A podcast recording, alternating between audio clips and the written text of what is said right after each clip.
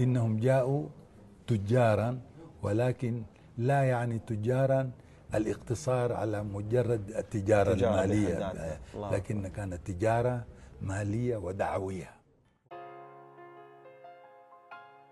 السلام عليكم وحياكم الله جميعا في بودكاست تاجر واستثمر معاكم أصيل كثيري مقدم هذا البرنامج ومؤسس شركة اي بي أو في هذا البودكاست راح نتكلم عن ثلاثة مواضيع مختلفة.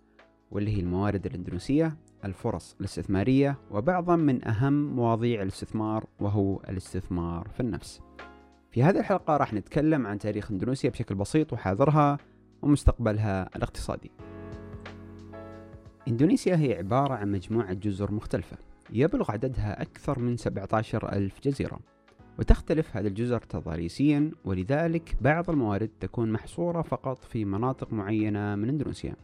يبلغ التعداد السكاني في إندونيسيا لأكثر من 270 مليون نسمة بسبب تعدد الجزر وكثرة السكان إندونيسيا تمتلك أكثر من 700 لغة مختلفة حاليا إندونيسيا في المركز الرابع من ناحية تعداد سكاني بعد الصين والهند وأمريكا. عيد الاستقلال الإندونيسي هو في 17 أغسطس من 1945 ولكن كيف كانت إندونيسيا قبل هذا الاستقلال؟ لست مؤرخا ولكن إندونيسيا تاريخها جدا كبير. ومن خلال بحثي لتحضير أول حلقة لتاجر استثمر في اليوتيوب مررت على معلومة توضح أن البشر سكنوا فيها من حدود المليون سنة. ابحث في جوجل عن ال Java Man أو J A V A M A N. لو مهتم في هذه الأمور وراح تعرف أكثر. بشكل عام إندونيسيا مرت في ثلاثة عصور مختلفة قبل الاستقلال واللي هي عصر ما قبل الاستعمار وتفرع المماليك الهندية والإسلامية عصر الاستعمار الأوروبي وعصر الاستحلال الياباني.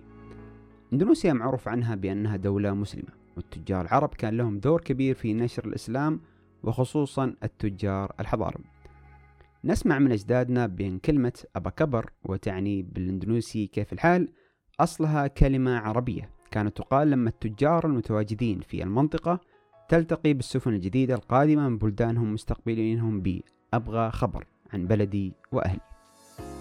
الكثير منكم سمع بنفس الكلام لكن القليل فكر بالكيفية اللي تبعوها التجار العرب لنشر الإسلام في هذه الدول. راح أترككم مع مقطع لبرنامج دروب لعليا سلوم كان يتكلم فيه مع الداعية والمؤرخ الكيني اليمني الأصل الحبيب بدوي بن أحمد بن صالح عن كيفية تحبيب الناس في الديانة الإسلامية واعتناقها.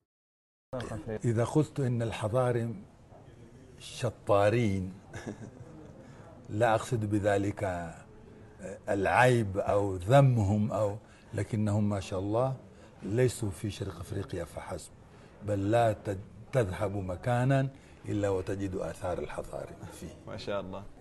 إنهم جاءوا تجارا ولكن لا يعني تجارا الاقتصار على مجرد التجارة تجارة المالية. لكن كانت تجارة مالية ودعوية. وكان لهم أساليبهم نعم. في الدعوة. يفرش في الأرض. ويبسط ويضع منتجاته. منتجاته.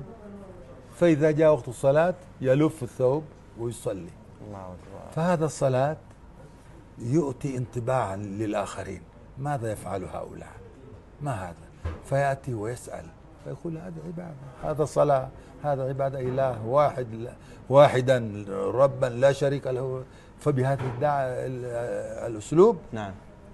اعتنق ال- البعض الإسلام. هذا واحد. ثانيا ثانيا كان الواحد يشتري السلعة فيعطيه زيادة.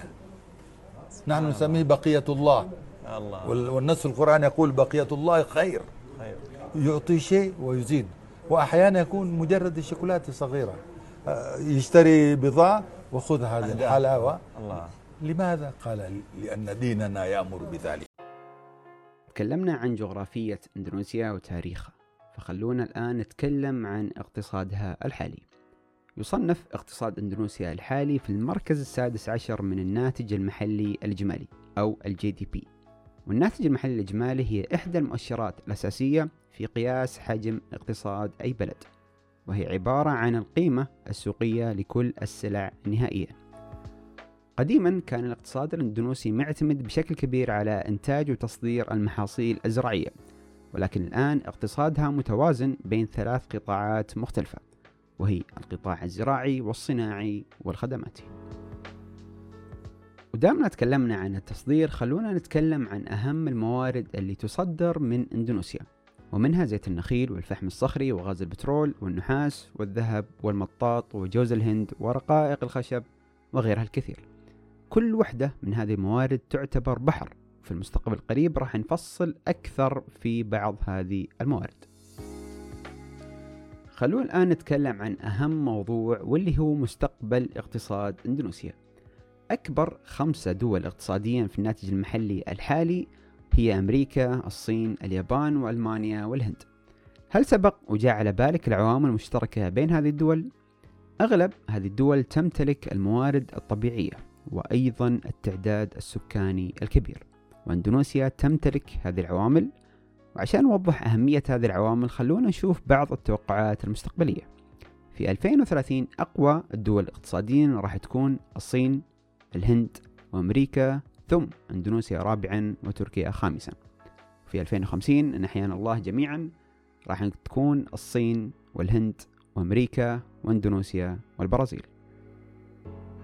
هذه ليست العوامل الوحيدة. هناك عوامل أخرى كسياسة البلد وغيرها ولكن بشكل عام العاملين هذه تعتبر أساسية في تطوير اقتصاد أي بلد.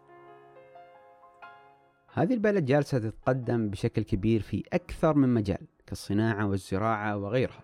صحيح ما راح تكون أكبر من الصين أو الهند في السنين القادمة ولكن راح تكبر وتنافس. أنا أقول هذا الكلام فقط للتنويه لأن إحدى الأساسيات للثراء هي تعدد مصادر الدخل. وفي هذا الوقت التعدد مو مختصر فقط على النشاطات ولكن البلدان والمدن. وأكبر دليل هو أن الشركات الكبيرة الأمريكية أو الأوروبية اللي تمتلك مصانع في الصين صارت أو فتحت مصانع أخرى في بلدان أخرى وهذا عشان ما تحصر نشاطها التجاري في سياسة دولة واحدة.